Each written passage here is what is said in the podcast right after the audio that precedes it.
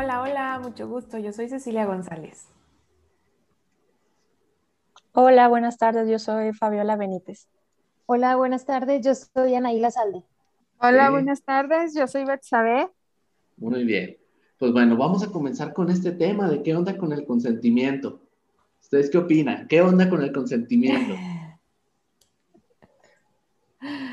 Ay, así Pues- ya directo. Pues ¿qué- tú dinos, tú dinos, Alonso, ¿qué onda? No lo Ok, sé, dímelo pues, tú. No lo sé. Este, no, pues más que nada porque, bueno, sabemos que, pues bueno, las relaciones interpersonales, más entre adolescentes, pues en ocasiones como que son difíciles. Uno como adolescente a veces no sabe cómo relacionarse y pues bueno, es parte importante hablar sobre el consentimiento porque nunca nadie te lo dice. No hay una materia en preparatoria o en secundaria que te diga, ah, hoy vamos a hablar sobre el consentimiento. ¿Sí? que al final el consentimiento pues viene siendo esta mm, parte de saber qué es lo que va a pasar en diferentes contextos. Por ejemplo, cuando vas al psicólogo, lo, lo normal es que te dé una carta de consentimiento o al menos un, un contrato en donde tú consientes que vas a entrar a un proceso que te está obligando haces por cuenta propia. Por ejemplo, lo más sencillo, los avisos de privacidad que aceptan cuando actualizan WhatsApp, cuando actualizan Facebook. Tú le dices, sí, quiero que te robes todos mis datos. Entonces, ahí estás consintiendo eso. Pero bueno, hoy vamos a hablar de en concreto el consentimiento en las relaciones. Ya habíamos estado hablando nosotros como bienestar y consejería de un ejemplo sobre el consentimiento y el té, pero ahora lo voy a modificar acerca de algo más, más actual, ah, entre comillas actual. El ejemplo es este. Imagínate que estás escuchando a PSI con alguien y le comentas a ese alguien que te gusta el Gangnam Style. A la mitad de la noche esa persona entra pegando saltos en tu habitación con el Gangnam Style a todo volumen y cuando le preguntas qué demonios está haciendo, pues esta persona te responde algo como, pues antes has dicho que la canción te gustaba, por lo que pensé que te gustaría escucharla en cualquier momento. Entonces, ¿será que porque te gusta algo, siempre vas a quererlo? ¿Siempre vas a aceptarlo? Pues no. Entonces aquí entramos en la cuestión del consentimiento. El consentimiento es cuando una persona acepta tener algo sexual contigo, ya sea besarse, tocarse, tener sexo oral, tener sexo vaginal o sexo anal. Antes de hacer cualquier de estas cosas se necesita saber con total claridad que ambas personas lo quieren. Y bueno, vamos a tomar de base la idea de mi cuerpo es mío y es mi derecho de decir sí o no a todo lo que entre en contacto con él. ¿Por qué necesitamos saber, saber sobre el consentimiento? ¿Qué opinan? Yo pienso que es muy importante que todas las personas conozcan sobre el consentimiento, es decir, no, no solamente hombres este, o mujeres de, cierto rango de edad, sino todos, porque eh, incluso pues podemos llegar a caer a, a, delitos, ¿no? O sea, el tener esta idea equivocada sobre que, ah, pues a lo mejor esta persona me hizo alguna señal de que yo le interesaba y por eso yo tomé la decisión de ir a este, besarlo o tocarlo, eh, este, como a la fuerza o no, no de manera, este, no preguntarle, no aclarar si, si sí o si no, ¿no? O sea, lo que yo percibí fue cierto, pues puede llegar a ser peligroso. Y pues dañamos también la integridad de otras personas cuando nosotros asumimos que lo que yo pienso y quiero es lo mismo que quiere la otra persona, se puede dañar al otro. Y es pues muy importante que, que todas las personas sepamos sobre este tema. Yo también quisiera agregar a lo que dice Ceci de, de también, o sea, no solamente lo que hacemos a los demás, sino lo que nosotros permitimos a nosotros mismos porque si nosotros normalizamos ciertas conductas que vivía en mi familia, que viene una película, que, y bueno, que yo pienso que es normal, pero que después lo veo eh, en mi escuela o en mi trabajo y digo, las demás personas no se comportan así, o lo que yo viví, yo no tenía la edad para dar un consentimiento también, no tengo la capacidad. Entonces, si yo no reconozco estas características, probablemente yo también pueda ser víctima de, puede ser un abuso o no tanto ya víctima, pero puedo permitir cosas que yo no quiero y que pienso, ah, pues puede que esté bien, pero pues no es cierto. Ok. Anaí, ¿tú tienes algo más que comentar o Betsa? Sí, yo creo que también algo bien importante de, de lo que ya también comentan Ceci y Fabi es que estás en un grupo social, o sea, entras a un grupo social como cualquier adolescente, como cualquier joven, incluso como cualquier adulto, pues con la intención de ser aceptado, de formar parte de, y de pronto en eso, pues se va perdiendo eso que dice Fabi, de decir, oye, ¿qué acepto también yo para mí, verdad? No aclaras desde un inicio, pues, en qué cosas estás de acuerdo y en qué no, y sucede mucho también con, pues ahorita sobre todo con nuestros adolescentes, que que no dicen que no, o sea, no dicen, oye, ¿sabes qué? En este grupo suelen hacer mucho estas cosas, pero yo no lo quiero, o sea, yo no lo voy a permitir. Entonces, también está un chorro, yo siento esa lucha donde no son capaces de decir, ¿sabes qué? No, basta, o sea, no estoy de acuerdo con esto o no quiero, por esa necesidad o esa inquietud de formar parte de. Entonces, sí es pues algo bien importante, ¿verdad? Si tú vas a entrar a un grupo social donde hay ciertas cosas que a ti no te parecen, pues dejar claro, oye, pues sabes que solo esto, pues a mí no me parece, no me gusta. Y si la gente que está ahí no te respeta lo que tú estás pensando, tus decisiones en cuanto al consentimiento de hacer o no ciertas cosas, pues no estás en el lugar indicado, ¿verdad? Porque porque pues no están respetando a quien tú eres, pero como bien lo dice Fabi, si a lo mejor ni tú te respetas a, ciertas cosas que tu familia todavía hace contigo, que te trata mal y no pones un alto, o que hacen algo para lastimarte, pues sí está bien complicado hacer que alguien externo a ti lo haga, porque pues vas en busca de eso, ¿no? Y que bueno, pues en mi familia está igual, o bueno, pues ya no pasa nada, trátenme mal todos. Y sí se normaliza caño. Claro, y además creo que algo muy importante es que el consentimiento se puede identificar desde edades muy tempranas, porque no sé si a ustedes les pasaría que en algún momento, cuando eran chiquitos, llegaban a una casa desconocida y les decía su mamá o su papá, ándale, salúdale a tal persona, salúdale de beso, es un familiar tal. Es como que, no, no lo conozco, ándale ya, es tu familia. Es como que, fíjate, pues si te estoy diciendo que no, ¿por qué tendría que hacerlo? Por quedar bien, volvemos a lo mismo. los papás también ni lo piensan, o sea, que no, no, es que hay que quedar bien con la familia. Y la tía, aunque te moleste que te agarre los cachetes, vas y la saludas. O al tío, peor aún, ¿verdad? Si eres niño. Sí, sí, sí, o sea, y, el punto es ese, o sea, yo puedo tener desde muy temprana edad nociones de consentimiento. El punto es que cuando yo digo que no, se me niega a decir que no. Y entonces, ¿qué estaremos aprendiendo ahí? Y también, pues, cómo percibimos a los niños. Por ejemplo, hay reglas que se aplican a los niños que ni se te ocurriría aplicarla a un adulto. O sea, por ejemplo, a un adulto no lo obligarías a besar a alguien en la mejilla si no quiere. O no le dirías, ah, ya deja de llorar por eso, o sea, eh, eres un llorón. A un adulto no, no le hablarías así o tampoco le pegarías por hacer algo mal. Bueno, sé que ocurre, pero no es de que, ah, te equivocaste en eso mi jefa no viene y me pega, ¿verdad que no? Pero a los niños sí, entonces también enseñamos por parte del consentimiento cómo percibimos a los niños, cómo los vemos como personas y por lo tanto los niños crecen, los niños se acuerdan, los niños se dan cuenta y tal vez se dan cuenta muy tarde y luego ya llega la crisis a los 16, a los 17 de, oye, es que esto no está bien o esto que viví no estaba bien, mis amigos no viven así. Sí, sí, sí, y además parte importante de por qué necesitamos saber sobre el consentimiento es que, y específicamente las relaciones interpersonales o relaciones sexoafectivas, es que cuando no hay consentimiento se está cometiendo una agresión sexual.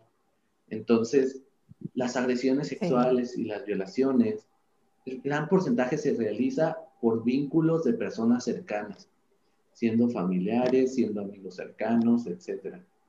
Entonces, mm, aquí nos vamos a, meter en ese tema de que, pues por eso necesito saber yo como persona que me voy a relacionar, que necesito el consentimiento de la otra persona para realizar acciones. Y eso que, eso que comentas, Alonso, es muy importante y muy interesante, sobre todo en nuestra cultura mexicana, que sabemos que tiene una carga cultural machista muy, muy importante, en donde frases como más vale pedir perdón que pedir permiso, se... Sí, o sea, la verdad es que, pues es, es, lo que dicen, ¿no? O sea, bueno, pues tú hazlo, ¿no? O sea, ya, si si se enojó porque le diste un beso, porque la agarraste o porque hiciste algo que no deberías de hacer, pues ya le pides perdón y es como no pasa nada. Entonces, hay que dejar de normalizar este tipo de prácticas y hay que dejar de normalizar este tipo de pensamiento porque sí pasa, o sea, hay que empezar a ser conscientes de que, o sea, no es de que, ay, pido perdón, o sea, cuando incluso esto puede ser ya un delito, pues el que pidas perdón no va a ser suficiente. Sí, sí, sí, la cuestión es esta, ¿no? Se romantizan las agresiones, por muy, entre comillas, mínimas que sean, como a mí sí me llegó a suceder que me dijeron que un beso no se pide, un beso se roba. Ay, mira, o sea, y, y, seguro te lo dijeron así bien casual, ¿no? Como que, pues así es, así es el mundo, ¿no? Ajá, y no fue un hombre, fue una mujer. Mira, pues sí, un claro ejemplo, ¿no? O sea, de, de cómo la falta de esta información se puede llegar a caer pues en ese tipo de conductas pues que transgreden. Sí, y fue en este proceso de la adolescencia donde estás aprendiendo a ver qué onda. Sí. ¿Y qué hiciste, Alonso? No, nunca me he animado a... Corrita. Sí, no me sonríe. Y, y, por ejemplo, otro, otro ejemplo es este término que a veces se le da a las mujeres como ofrecidas, ¿no? O sea, mm. es que se ofreció, y si se ofreció, pues entonces, pues me dejó dar a entender que, y pues no, porque tú puedes estar interpretando eso, pero tal vez sea porque tú lo quieres interpretar así, no porque sea así. Entonces, en todo momento tienes que estar seguro de que, pues si hay un consentimiento, aunque tú estés pensando de que no, si le gusto, si es lo que quiere, este, o a lo mejor en algún momento te dijo que sí lo quiere, pero después cambió de opinión, entonces en todo momento tienes que estar súper seguro de que ese siguiente paso que quieres dar con la persona con la que estás, pues es, un paso consensuado. Y pues que hay mutua, mutuo deseo de, y mutuo acuerdo de que eso pase, sí, porque también, por ejemplo, algo que, que es muy común y algo por lo cual los chicos van mucho o se enfrentan mucho a una demanda por violación es porque deciden tener su primera relación sexual e incluso arreglan todo, ¿no? Rentan la habitación de hotel o buscan en dónde va a suceder y van planeando todo esto. Y a la hora de la, de, la hora la chica dice, pues no, o sea, no, Siempre no, no sé si quiero, ¿no? Y a veces cuando llega a suceder y llega a haber un poco de presión por parte del hombre, pues eh, eh, es este punto donde dice, bueno, pues que lo planeamos y fuimos y todo, sí, pero al final te dijo que no, o te dijo que no estaba seguro, entonces ya no quisiste escuchar esa señal, ya no quisiste a lo mejor hacerle caso porque tu deseo era tanto de que sucediera que no quisiste escuchar. Entonces, sí es muy, muy importante porque, pues eso ya estamos hablando de un problema legal importante, aunque tú digas de que no, pues es que lo planeamos, pero a la, si a la hora de la hora te dijo no, pues es no. Exactamente, porque ahí estamos retomando también la cuestión de, con el ejemplo del té, de que puedes ofrecerle té a una persona y esta persona puede decir que sí, vas, calientas el agua, preparas todo, preparas la taza, lo sirves y cuando regresas con el té, dice la persona, ¿sabes qué? Ah, mejor no quiero. Y luego, pues es esta cuestión, ¿vas a hacerlo, beber a fuerza el té? Pues no, o sea, y puede ser molesto porque tomaste tiempo para preparar el té, pero que haya sido así no significa que a fuerza se lo tenga que tomar. Y ahorita estamos hablando entonces ya de características del consentimiento. Esta característica de la que estamos hablando es que el consentimiento es reversible. ¿Sí? Como puedo decir que sí, en cualquier momento yo tengo la capacidad de decir que no. Aun cuando ya esté en el hotel, aun cuando ya esté desnudo, aun cuando cualquier cosa, puedo decir que no. ¿sí? Entonces eso es algo muy, muy importante. Vamos a hablar también de otras características, que es, por ejemplo, que se da libremente. ¿A qué, se, ¿A qué creen que se refiere esto? Como impresiones, ¿no? O sea, nadie me está amenazando o está, em, ¿cómo se dice? Como sobornando, o eh, condicionando de cierta manera para hacer cierta cosa.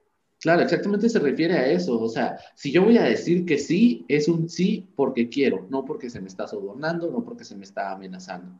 Si sucede alguna de estas situaciones, es un sí, pero no es consentimiento. Y, eso es muy, muy importante. Me acuerdo que hace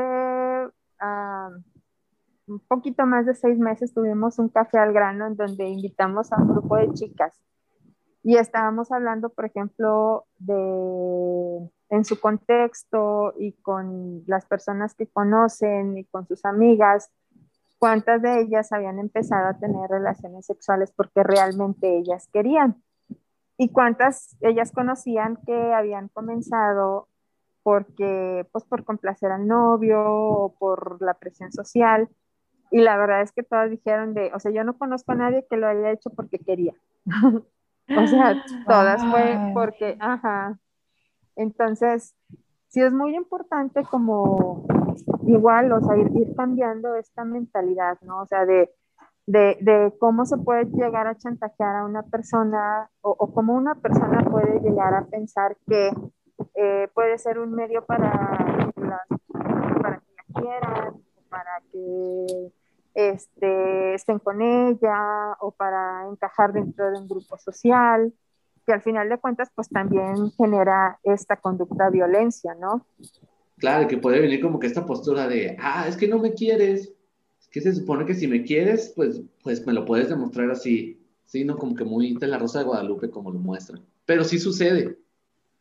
O sea, al final se convierte en esto de que, pues es que tú ya habías dicho, y es que no me puedes hacer esto, cosas así, ¿no? Que pueden generar culpa, ¿sí? Y esto que dice Beto también se relaciona mucho con, con la otra característica que, pues el consentimiento es entusiasta, en el sentido de que sí, o sea, yo quiero y entonces incluso hasta yo propongo, yo me animo a hacer esto. Me gustaría que sucediera así. Me gustaría que sucediera así. ¿Sí? En ese sentido, el consentimiento es entusiasta. Por otro lado, también es específico.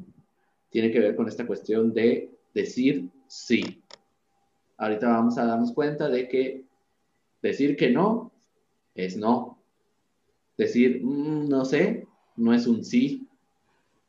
Entonces no hay consentimiento. Es como ofrecer la taza de té. Puedo decirte sí después. Y también no sé si vas a incluir de cómo hay ciertas ocasiones que aunque sea libre, entusiasta, específico, informado, irreversible, como quiera hay personas que no tienen la capacidad para dar consentimiento. Ok, eso es muy importante, Fabi. Por ejemplo. Pues ah, por ejemplo, pues un menor de edad, un niño, o también pues un menor de edad, un adolescente también a veces, eh, una persona que está alcoholizada o que ha sido drogada, eh, una persona inconsciente, eh, ¿qué más? también pues existe una clasificación en, en Coahuila de, de, estupro y de violación, de que, ah, bueno, es que ella tiene 15 años y yo tengo 20, pero ella quiso.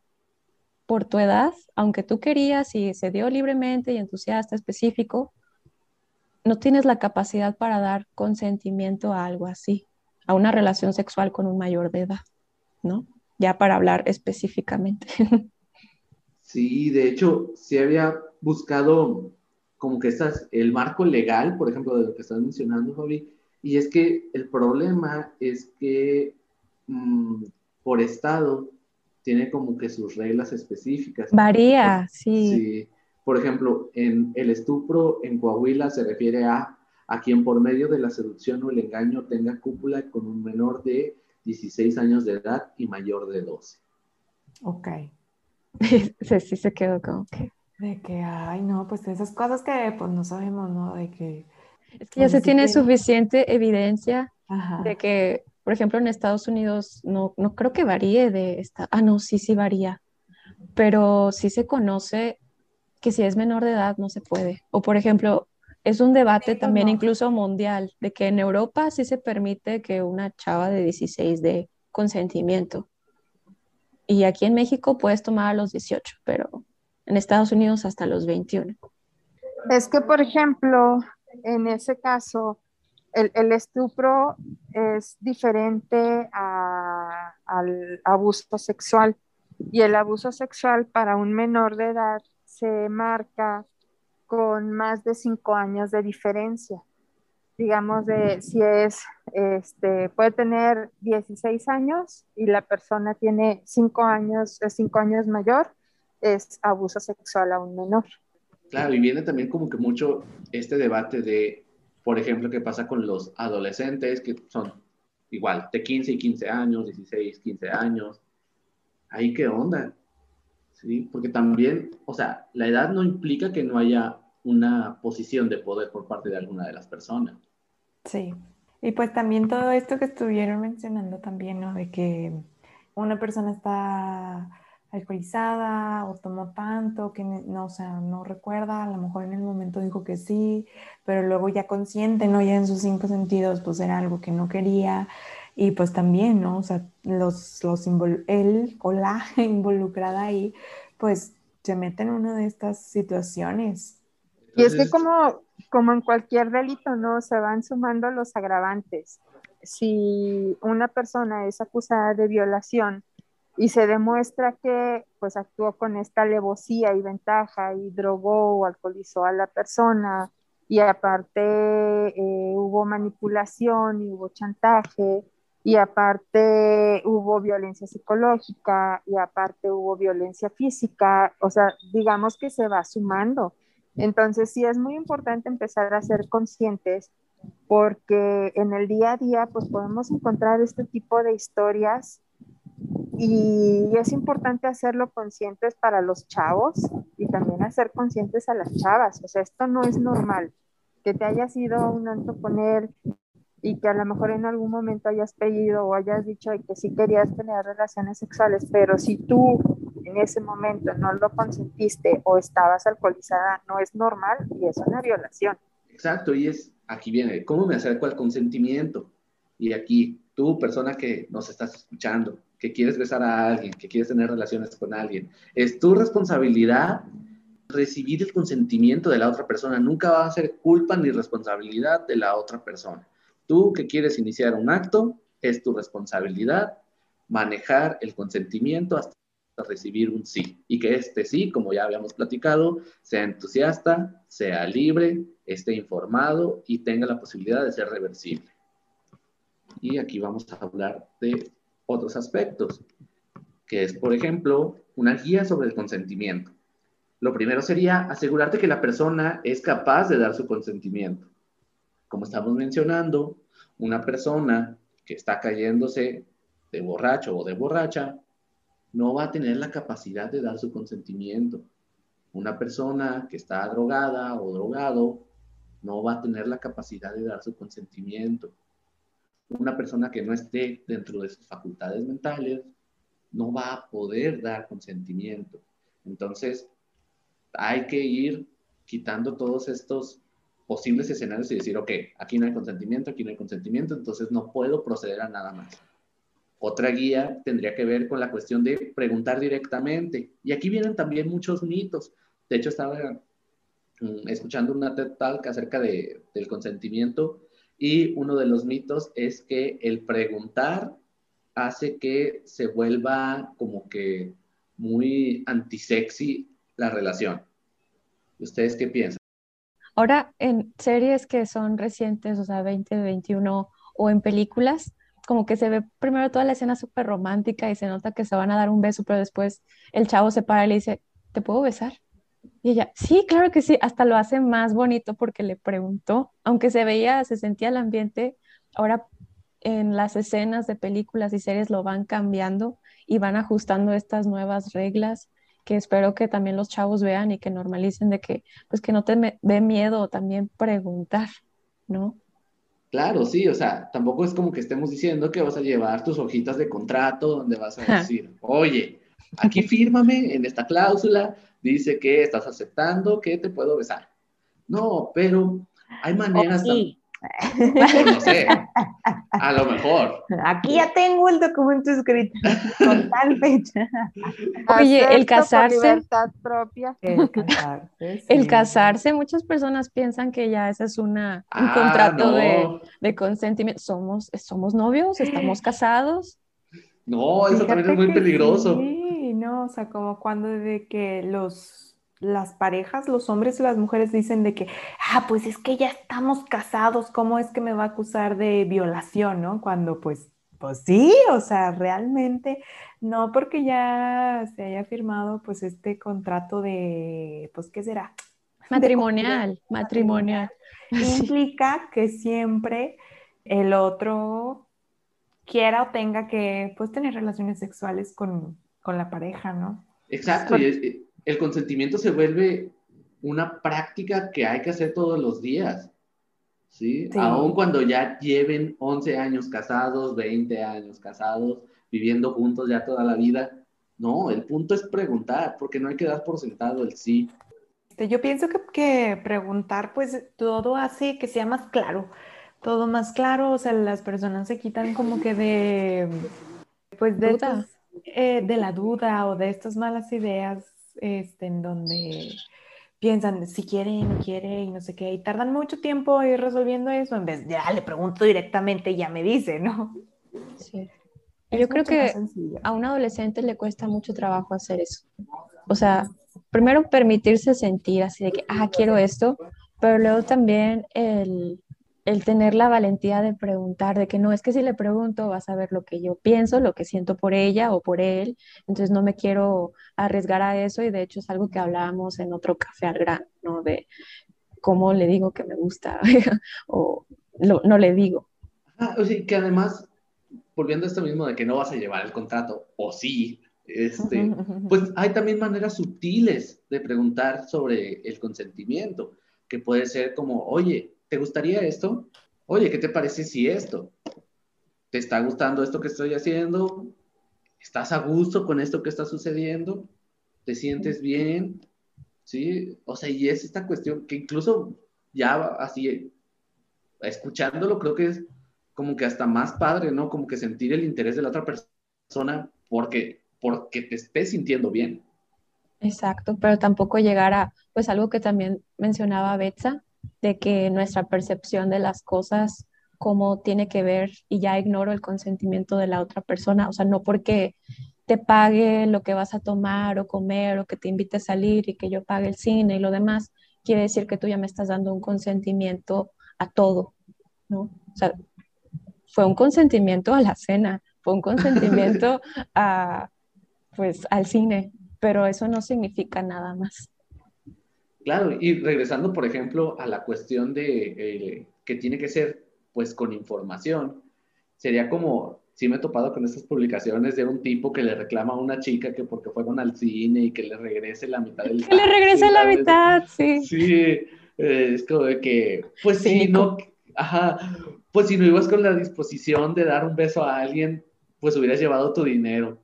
O sea, es como que, a ver, a ver, hubieras informado antes. Que, oye, voy a fichar la cena o el cine o lo que tú quieras, pero con la condición de que me des un beso. Ah, ya tengo todo el, el marco y ahí yo te digo, ¿Estás de ah, acuerdo? Ajá. Es, no, no estoy de acuerdo. Te acepto solo la ida al cine, si quieres. Si no, no, si no hay beso ni nada. ¿Sí? Pero es esta cuestión de dejar muy en específico cuáles son, digamos, entre las condiciones en las que se va a realizar, pues, esta interacción. También otra parte importante es la cuestión de prestar atención a las expresiones físicas y verbales de la otra persona. ¿sí? Porque no basta tampoco solo con el sí, van a decir, ah, pues no que con el sí, sí.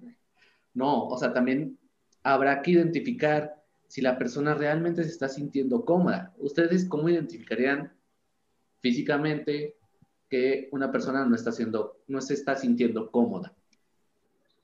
Híjole, yo creo que retomando todo esto que han dicho, es muy importante como que sí identificar las señales no verbales, pero sí verbalizarlo. O sea, es, ok, eh, ¿cómo puedo dar cuenta? Pues es, este, no hay ningún gesto de desagrado, está, este, puedo observar que no, se quita, no se retira, este, sigue, digamos que en el mismo eh, flow que voy yo, pero también es muy importante este, no pues quedarnos solamente con eso, ¿no? Sino este, sí de forma verbal, como lo dijeron ahorita, a lo mejor de una forma muy sutil, este, preguntar si está bien lo que está sucediendo, si se sigue adelante o si la persona desea parar, porque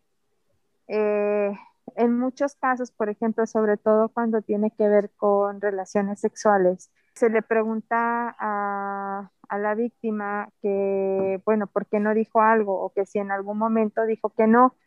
Entonces, a veces dicen, es que, o sea, yo estaba en shock y no supe cómo decir que no y no lo dije. Entonces, y cuando le preguntan a la otra persona, pues dice, es que nunca dijo que no y siempre como que siguió haciendo o en el mood en donde yo estaba y pues yo lo interpreté como sí. Entonces, yo creo que sí es importante observar el lenguaje no verbal, pero sí verbalizarlo y sobre todo en pasos así como muy importantes de la relación o con personas que es una relación sexual, asegurarse todas las veces que se tiene el encuentro que es un acto consensual. Exacto, sí, que es esta parte de todos los días se practica. Aún yo teniendo novia, es, oye, ¿puedo hacer esto? ¿Puedo hacer tal? Y volvemos a lo mismo. Es responsabilidad de quien quiere iniciar el acto recibir el consentimiento. Sí, y también algo que preguntabas al principio de por qué es importante conocer sobre el consentimiento.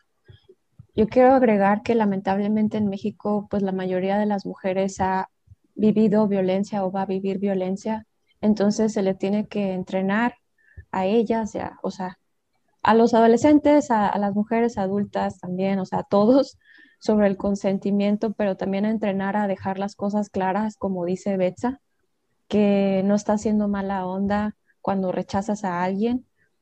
No sé cómo explicarlo como más a detalle, pero en ocasiones no todos vamos a percibir las cosas como los demás. O sea, yo puedo decir, ah, esto es normal y alguien me va a respetar y alguien no haría eso, pero ya sería desde mi percepción como yo estoy evaluando las cosas.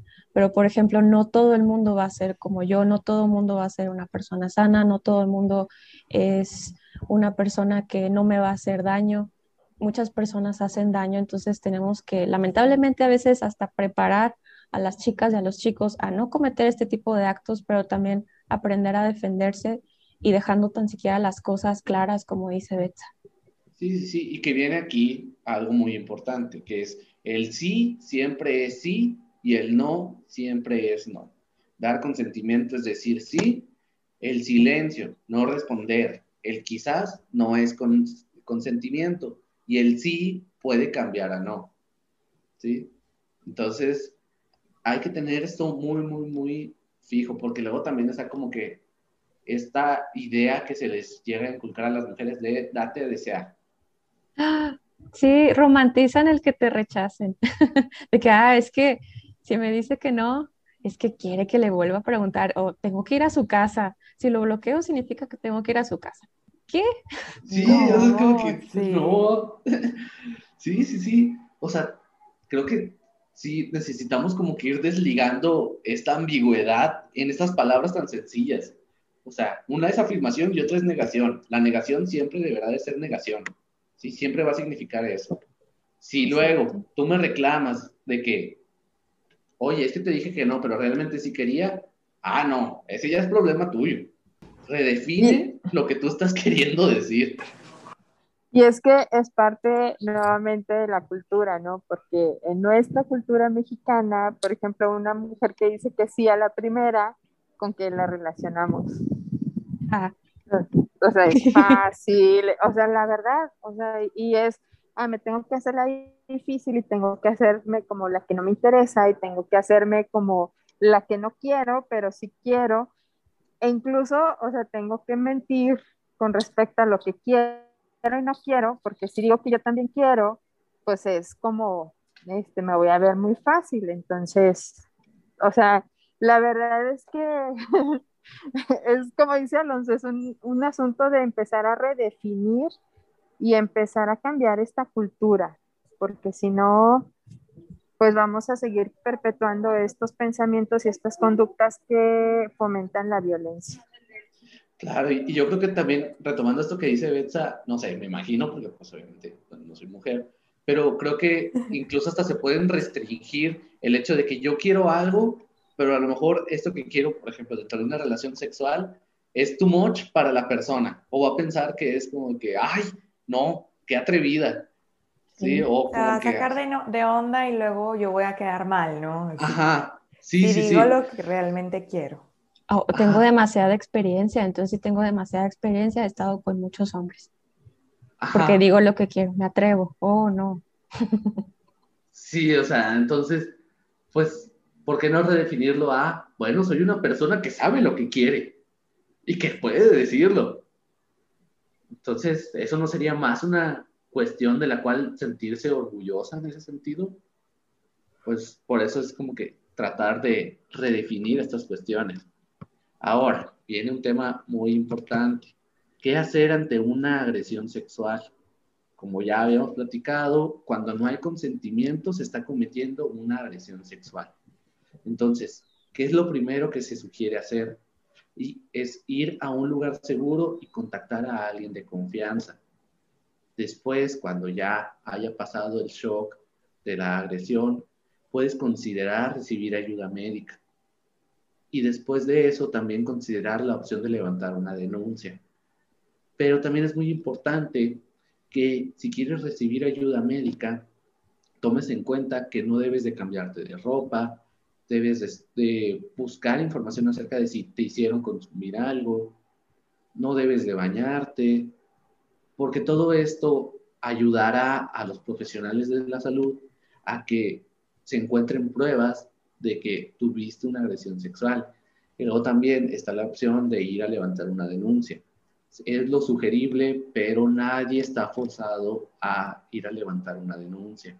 Y creo que, pues desde una perspectiva personal, algo que se evita es la revictimización. Bueno, quiero pensar que ya se están haciendo mejoras para no revictimizar, pero no estoy tan seguro que tanto se estén implementando acciones de ese tipo. ¿Ustedes han sabido de casos específicos de personas que van a denunciar?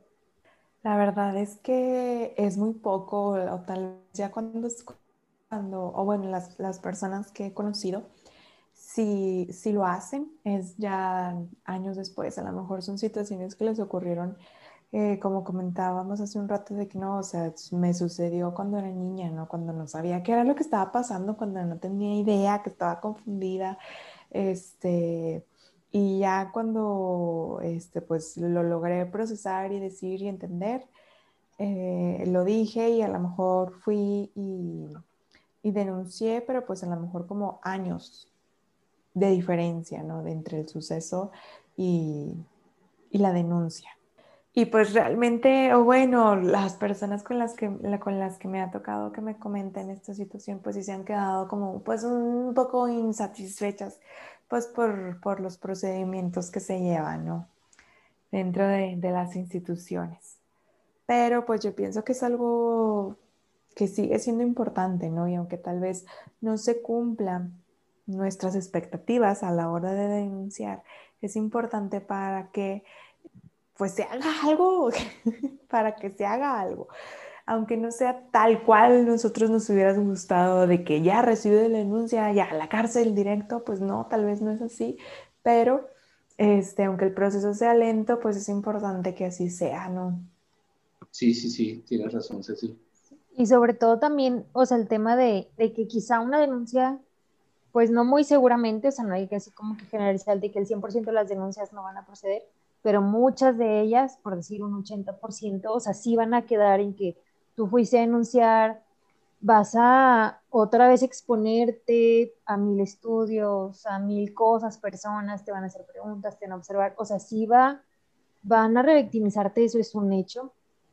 Y si no procede nada, las personas suelen quedarse ahí, ¿no? O sea, de que no, bueno, ya, pues nadie me hizo caso, o sea, me quedo con eso y no trabajan lo que sucedió y no lo pueden decir, que también sucede mucho que sucede un abuso sexual y el simple hecho de no verbalizarlo, de no decirlo, o sea, ya es algo que te tiene atrapado, encarcelado para siempre. O sea, contárselo a alguien, una amiga, un conocido, un terapeuta, un médico, un maestro, es un tantito de liberación de la persona, porque si no lo dices, pues estás ahí atrapado, ¿verdad? Oye, estuve en una fiesta, me pusieron algo en la bebida, no sé qué pasó, pero me dijeron que sucedió esto, no sé. Y, y el no decirlo, precisamente por este miedo a que, a que no me vayan a escuchar, a que me vayan a juzgar, a la culpa que también ahorita le estaban mencionando mucho, a la vergüenza, decir, oye, ¿cómo crees? O lo mismo, ¿verdad? Pues van a decir que yo andaba en la fiesta, que yo tomé, que yo acepté, que yo, etcétera. Y las personas no se deciden precisamente por eso, hacerlo. Y en el momento en el que lo hacen, quizá como dice Ceci, pues ya pasó mucho tiempo, y ya va a ser mucho más difícil, ¿no? O sea, de en la parte de la credibilidad. Entonces, sí es algo que, que limita también mucho a la persona agredida. Y también creo que un tema bien importante es que los chicos no hacen conciencia del daño. O sea, tenemos también muchos adolescentes que no miden, no son empáticos, o sea, no, no se dan cuenta en realidad de que, que exista conocimiento o no, o consentimiento, ellos hacen las cosas pues porque así lo quieren hacer, o sea, porque creen que lo que ellos decidan es correcto, porque no lo trabajan, porque volvemos a lo mismo. Sus recursos están tan limitados que están buscando la aceptación o de los amigos o de un grupo, etcétera. Y es algo bien grave y claro que la gente pues dice, no, mejor no denuncio, mejor no digo, mejor no hago, mejor no voy, o sea, qué miedo, qué angustia, ni me van a hacer caso y solo me voy a exponer. Entonces sí, sí, ha habido, sea, sí he conocido casos de eso, ¿verdad? Que dice la persona, no, o sea, prefiero no, pues ya ni modo, ya pasó, pues ya, ya veo cómo me las arreglo. Sí, sí, sí. Y creo que también algo muy importante es esta cuestión, ya vista desde la perspectiva, a lo mejor como que de un hombre, la cuestión de cómo tienes que o bueno, haces eh, promoción o utilizas los privilegios por esta sociedad patriarcal en la que vivimos, en donde es que las cosas se tienen que hacer como yo las estoy planteando, porque si no, entonces eso le pega a mi masculinidad, ¿sí? Porque si entonces tú me habías dicho que tal, que íbamos a tener una relación, y luego me dices que no, ¿cómo quedo yo como hombre? Entonces, hay que cuidar mucho eso dentro de la TED Tal que, les digo que, estaba escuchando, eh, era también una terapeuta que decía que mm, un chico le, platicaba acerca de que se había, había tenido un comportamiento fuera de lugar con, con una novia, ¿sí? Ya no estaba con esa persona y tampoco le dijo qué comportamiento. El punto es que este chico, pues al pasar de los años, reconoció lo que había hecho mal, sabía que, también reconocía que en ese momento sabía que estaba mal, pero no sabía qué hacer para hacer las cosas bien.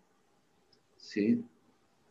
Entonces esta cuestión de que si sé que esto está mal, entonces, ¿qué debo de hacer? ¿Sí? Y eso es algo que también no frecuentemente se te dice. Pero para eso están estos cafés al grano, para hablar del consentimiento. no, pero tendría que ver con esta cuestión de el hecho de que antes no supiera no me exime de la culpa. Claro. Pero aún así puedo hacer cosas para cambiar.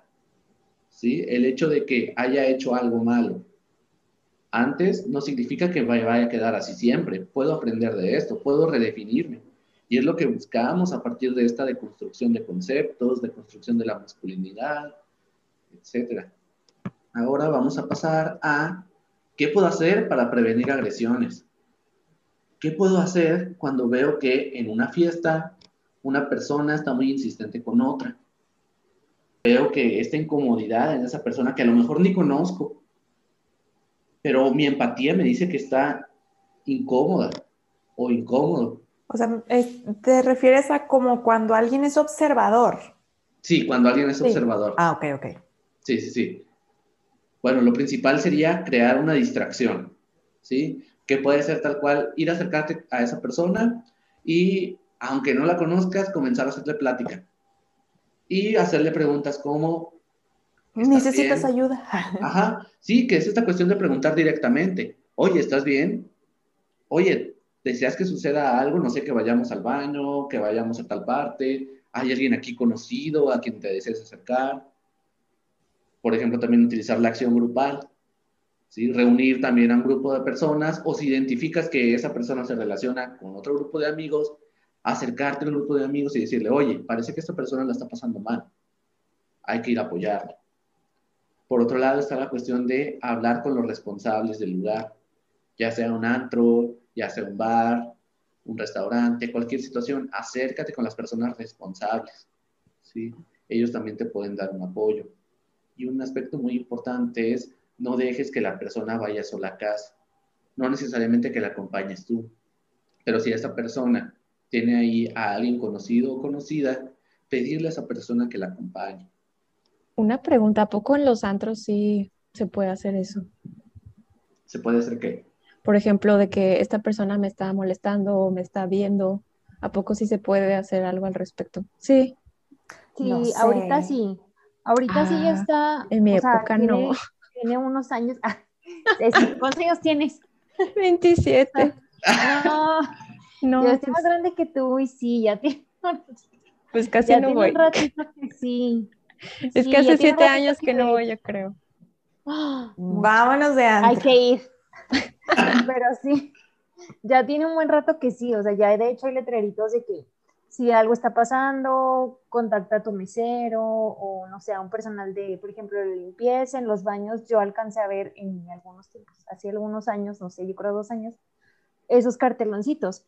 Y, y sí, pero pues sucede lo mismo, o sea, muchas veces también es la pena o es de que chino, mis amigas, qué pena, porque también luego las amigas de que, ay, sí, te está tirando la onda, oye, pues no, o sea, no quiero, no me gusta, no, no estoy cómoda.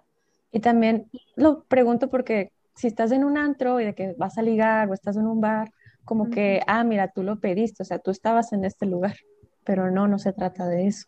Sí, no, no. no, pues sería como hablar de lo mismo de la ropa. Exacto, exacto. Ajá, Es como que, ah, venías de color rojo, rojo del amor, lo estás pidiendo. sí. O sea, no, pues no. Sí, no, yo la verdad, este, sí he escuchado también esa clase de comentarios de que, ay, pues es que si está en un antro, ¿a qué va? Pues a bailar, a convivir con sus amigos, ¿cómo que qué va? Pero pues sí, no, desafortunadamente, pues segui- se sigue luchando mucho contra esto. Y yo he visto ese, ese tipo de cambios, pues a raíz de todo, como que este movimiento feminista, en donde pues hay cada vez más y más concientización de, de este tipo de violencia. Y sí, yo también he visto en los bares, sobre todo, de que en este bar se aplica la palabra clave tal, ¿no? Si hay alguien que te está molestando, acosando o que te está sintiendo cómoda, eh, dile a tu mesero y así, no sé, tiene el nombre de un trago, no sé, ejemplo, de que traen el trago tal, y esa es la palabra clave para este, que alguien Auxilio. sí, Ujú. Que te, que te muevan de, de la mesa o pedirle a la persona que se vaya o así. Y entonces, ya para ir cerrando, también me gustaría que definiéramos como que, no sé, acciones específicas que a ustedes se les ocurran ante situaciones en donde, por ejemplo, ya estás en una habitación con una persona y te arrepientes de estar ahí. ¿Qué creen que se pudiera hacer? ¿Qué hacer cuando le echan algo a tu bebida? ¿Sí? Como que situaciones específicas vamos a plantearlas y a buscar acciones que puedan ser útiles en esos casos. Mm, Yo me voy a ir por algo básico en lo que van pensando las demás. Eh, para mí es mm, siempre tener saldo en mi celular si no voy a estar dentro de mi casa, o sea, tener eh, un lugar de contacto, siempre decir a dónde voy y con quién voy, eh, decir a qué hora voy a regresar. Muchas veces los adolescentes se pelean con eso, pero una persona adulta responsable dice dónde está y con quién, y si va a llegar tarde, dice por qué va a llegar tarde o avisa. Eh, eso no se trata tanto de, ay, es que yo quiero ser libre, ya estoy grande. No, o sea, las personas adultas Sí. responsables hacemos eso por si caemos en una situación de riesgo. Creo que eso sería como que algo que podría ayudar si estás en una situación de riesgo. No sé, otras que se les ocurran los demás. Bueno, yo complementaría la tuya, Fabi. Es, si en algún momento le echaste mentiras a tus papás o no dijiste a dónde ibas, este, pues no tengas miedo. O sea, la verdad es que, ok, cometiste un error, pero no cometas o no sigas cometiendo más errores. Entonces, si estás en un lugar y te sientes amenazada o te sientes... Eh, o, sientes que hay peligro, pues aunque tus papás no sepan que estás ahí, háblales y diles, estoy aquí en tal lugar y, bueno, es mejor enfrentar como esa mentira que, que, echaste a tener que enfrentar las consecuencias de no hablar a tiempo. Entonces, no tengas miedo, eh, digo, vas a tener que enfrentar ese error que cometiste, pero no sigas haciendo o, cometiendo más errores para tratar de tapar un error. Yo creo que también algo que sugeriría, no sé, como en casos muy extremos, es si comenzar a gritar auxilio. Creo que hay que quitarse esa pena de pedir auxilio o tratar de salir lo más rápido posible del lugar. ¿Sí? Seguramente habrá alguien que sí te pueda apoyar. Sí, pues sí, ¿no? Más vale, más vale ser exagerados en ese tipo de situaciones. Sí, y siempre que estés en un bar, en un antro o en un lugar público, pues checar las eh, salidas de seguridad, o sea, siempre si vas manejando, no tener una rayita de gasolina, eh, intentar no entrar en pánico, siempre buscar ayuda y pues estar preparada para este tipo de cosas e incluso hablar con tus papás sobre si en alguna ocasión estás en peligro, que tengan una señal, señal uno con el otro y cosas que ellos te pueden apoyar y ayudar. Y también si estás con un amigo, con un novio y pues en algún momento tú consensuaste, pero en ese momento ya no quieres continuar eh, con lo que están haciendo, pues di que no. Si no te hace caso, grita, hazle entender de todas las formas posibles que no lo deseas y de ser posible, este, pues bueno, llama a tus papás o llama a cualquier persona porque pues a esa persona le tiene que quedar súper claro que no estás queriendo continuar con esa actividad, no te sientas obligada a seguir con algo si en ese momento no te sientes a gusto, si no estás cómoda, y en cualquier momento tú puedes decir, ya no quiero. Ok, muy bien. Pues bueno, muchas gracias por sus aportaciones. Igual, este tema creo que se queda un poquito corto porque hay muchos abordajes que se les puede hacer. A ver si eh, después podemos continuar con este tema, pero bueno, por lo pronto este sería el fin de este café al grano. Espero que les haya servido y les agradezco mucho su participación. Nos vemos, que estén muy bien. Gracias. Bye. Bye bye. Hasta luego. Bye.